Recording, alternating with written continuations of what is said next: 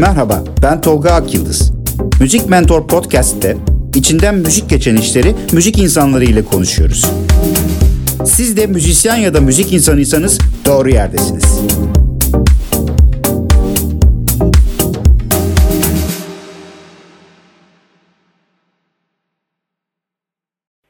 Spotify'da global viral ve e, Türkiye viral listeleri hızlı değişen listeler. Global listede olmak şu nedenle önemli. Bir algoritma var e, ve algoritma tüm dünya viral listelerini gözeterek global viral listeye alıyor sizi. Aslında önemli olan şu ne kadar kısa süre içinde ne kadar çok dinleniyorsunuz. Yani bu e, viral listeleri hem global hem de ülke bazlı viral listeleri algoritma bu kriterleri gözeterek alıyor. Şimdi bu e, global ve e, ülke bazlı viral listelerin en önemli özelliği demin söylediğim e, kriter dışında bu, bu listeler top 50 listelerinden yani en iyiler listelerinden ya da en çok dinlenen listelerinden farklı bir liste. Bu listeler demin de söylediğim gibi kısa süre içinde ne kadar çok ve yaygın dinlendiğinizi ölçen bir algoritma tarafından oluşturuluyor. Eğer dinlemeleriniz e, daha uzun bir süreye yayılırsa o zaman en iyiler ve en çok dinlenenler listelerine terfi edebiliyorsunuz. Yani bu listelerde bulunabilirsiniz ama saman alevi gibi parlayıp bir daha adı anılmayan, esamesi okunmayan biri de olabilirsiniz. Hızlıca girer çıkar yok olur gidersiniz. Kısa dönemde bir dinlenme oranı ve takipçi oluşturabilirsiniz elbette. E, aynı şekilde dünya viral listelerinde de hiç tanımadığımız, ya bence dünyada da birçok insanın tanımadığı tek atımlık isim ve şarkılara rastlayabiliyoruz. Aynı Türkiye'de olduğu gibi. E, globalde de, dünya listelerinde de, yani dünya viral listelerinde ülke bazlı olarak. İşte bu nedenle de viral listeler tek başına bir şarkının iyi ya da kalıcı olduğunu göstermiyor. Mesela bu listelere şarkısına göre Billie Eilish, Tyler, Taylor Swift, Drake, Beyoncé, işte K-pop'un e, ünlü isimleri BTS, Blackpink gibi gruplar girebiliyor. İşte bizden Sezen Aksu, Zeynep Bastık da girebiliyor şarkıya göre. Ancak e, bu bu gibi yani büyük ve tanınmış isimleri e, bakıyorsunuz diğer listelerde de o şarkılarıyla görebiliyorsunuz. Yani top 50 listelerinde ya da çok dinlenenler listelerinde de görebiliyorsunuz. Buradan çıkartılacak sonuç işte kalıcı başarı için viral listede olmak ya da viral listede globalde e, görünmek tek başına bir gerekçe olamaz. Şimdi Spotify'da en önemli listeler Spotify editörlerinin hazırladığı yani Spotify'ın çalışanları olan editörlerin hazırladığı listeler. Bunlar tüm dünyada çok takip edilen listeler. Dolayısıyla bu listelere giren şarkıların e, dinlenme oranı, yaygınlaşma oranı artıyor. Yine Spotify editörlerinin hazırladığı yeni çıkanlar listeleri var.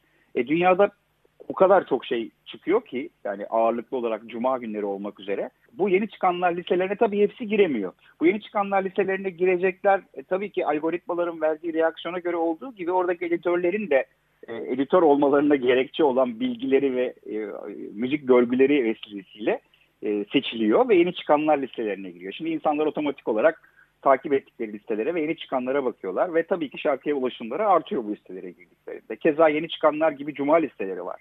Birçok farklı cuma listesi. Yani cuma günü çıkmış şarkılar anlamında. Cuma çünkü dijital dünya için bir lansman günü. Tamamı cuma çıkmıyor ama büyük oranda cuma çıkıyor. E, bu, bu listelere girmek için editörlerin dikkatini çekmek önemli. E, bu tabii sizin direkt elinizde olan bir şey değil ama şarkınızın dikkati çek, çekmesi gerekiyor. Özellikle işte yeni çıkan listelerine girebilmek büyük önem taşıyor. E, orada e, editörleri editör yapan kişisel beğenileri devreye giriyor. Ama bunu şöyle algılanmasın. Yani editörlerin zevkine göre yapılıyor. Yok editörler e, işte müdahale ediyor, manipüle ediyor. Ben böyle bir şey olduğuna inanmıyorum.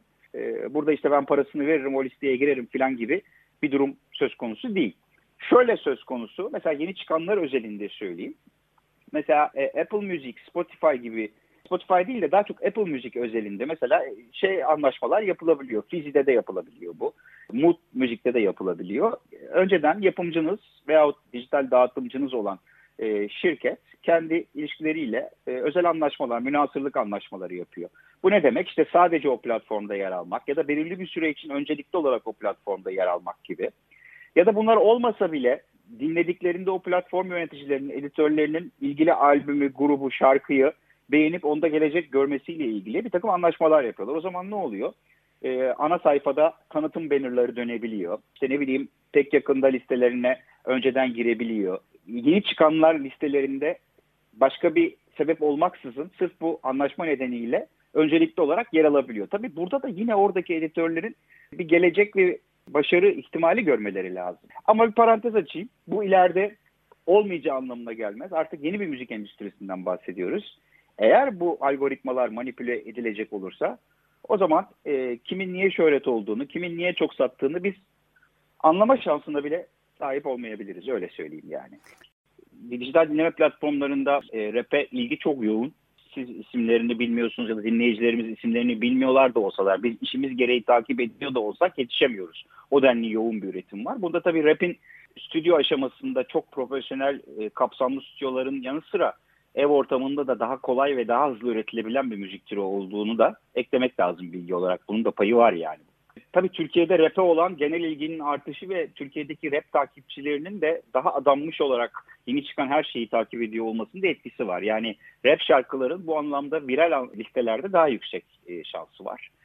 En önemli e, etkilenme alanı e, klip bütçeleri. Yani eskiden biliyorsunuz klip kraldı. Hala dünya starları videoları için çok önemli yönetmenlerle çalışıyor. Dünya paralar döküyor ama aynı kişilerin son derece samimi, daha düşük maliyetli prodüksiyonlu videoları da çok izlenebiliyor. E, bu da aslında ilgili müzik sektörünün yani hangi ülkeye aitse ve ilgili sanatçının e, sektör için, içinde bulunduğu sektör için ya da global müzik sektörü için nasıl bir ekonomi ürettiğine göre değişebiliyor o klip bütçeleri. Çünkü artık iş tamamen dijital gelirler. Yani özellikle bizim gibi ülkelerde e, fiziksel satışların tüm dünyada aslında tabii çok payı düştü ama hala dünyada devam ediyor yani e, genel pasta içindeki payları. Bizdeki gibi sıfıra yaklaştığı durumda yani dijitalden yapımcı sizden ne bekliyorsa video ve diğer tanıtımla ilgili harcayacağı bütçede o oranda değişiyor. Her şey çok hızlı üretilip tüketilmek zorunda. Ee, izleyicinin hangi videoyu sonuna kadar izleyeceğine, hangi şarkıyı sonuna kadar dinleyeceğine kararı saniyeler sürüyor. Bu tabii sadece videoları değil, yani konudan konuya atlamak istemem ama şarkıların düzenlemelerini bile etkiledi. Yani eskiden müzik zevkimizin bir parçasıydı şarkıların uzun intro bölümleri, makarata gelmeden evvel. Ama artık böyle şanslar, popüler bir alanda mücadele ediyorsanız çalma izleme listelerinde atlaya atlaya giden dinleyiciler, izleyiciler ne kadar nakarata ne kadar çabuk ulaşırsa o kadar kalma ihtimali artıyor. Dolayısıyla öyle uzun introlar, uzun şarkılar da yapamıyorsunuz. Eskiden radyolar çalmaz diye yapamıyordunuz. Şimdi de dijital platformlarda insanlar kalmaz, dinlemez, atlar videosunu, audiosunu diye yapmıyorsunuz. Ama olumlu tarafı şu artık ev yapımı ya da amatör diyebileceğimiz videolar fevkalade iş görüyor artık. E, hatta zaman zaman ev ortamında tek gitar, tek piyano söylenmiş şarkıların videoları fenomen olabiliyor. İşte akustik kayıtlar, e, akustik coverlar, e, çok izlenebiliyor ve bir büyük bir şöhretin Zeynep Bastık örneğinde olduğu gibi kapısını aralayabiliyor. E, Birçok genç ve yetenekli yönetmen e, onlar için de ka- kapı açıldı. Onlar da kendilerini gösterdiler. Düşük bütçeyle yaratıcı, hızlı ve nokta atışlı videoların devri artık. Hatırlayın İstiklal Caddesi'nde işte müzikli yürüyüşler yapardık. Hemen her yerden bir şarkı çalınırdı. Hatta bazı dükkanların çaldığı şarkılar e, zaten kesin tamam demekti. Şimdi artık olmadığı için örnek vereceğim mesela Metropol Müzik gibi, İstiklal Kitabevi gibi bu yani oralarda çalıyorsa şarkı olmuş demekti. Yani sanatçılar İstiklal Caddesi'nde o yüzden gezerlerdi şarkım çalıyor mu diye. Tüketim biçimi değiştiği için dükkanlar artık yok. Dükkanlar olmadığı için de sokakta müzik yok. İş başka bir yere evriliyor. Zaten içinde bulunduğumuz pandemi koşullarında hani konserlerle ilgili de yeni bir dünyaya giriyor olduğumuzu, bunun eşinde olduğumuzu, öyle birdenbire her şeyin düzelip eskisi gibi dip dibe konserlere gidemeyeceğimizi, gitsek bile yeni pandemilerle karşılaşacağımızı gerçekçi bir olarak e, inandığım için dünyanın içinde bulunduğu koşullarda e, dijital anlamda yepyeni konser biçimleri, yepyeni festival biçimleri olacağı gibi bu tip koşullarda ortaya çıkmış alternatif çözümler gibi gözükenlerin de kalıcı olacağına inanıyorum. Yani arabalı konserdir, işte ne bileyim normal konserlere dijital bilette satılmasıdır gibi yeni bir dünyaya doğru gidiyoruz.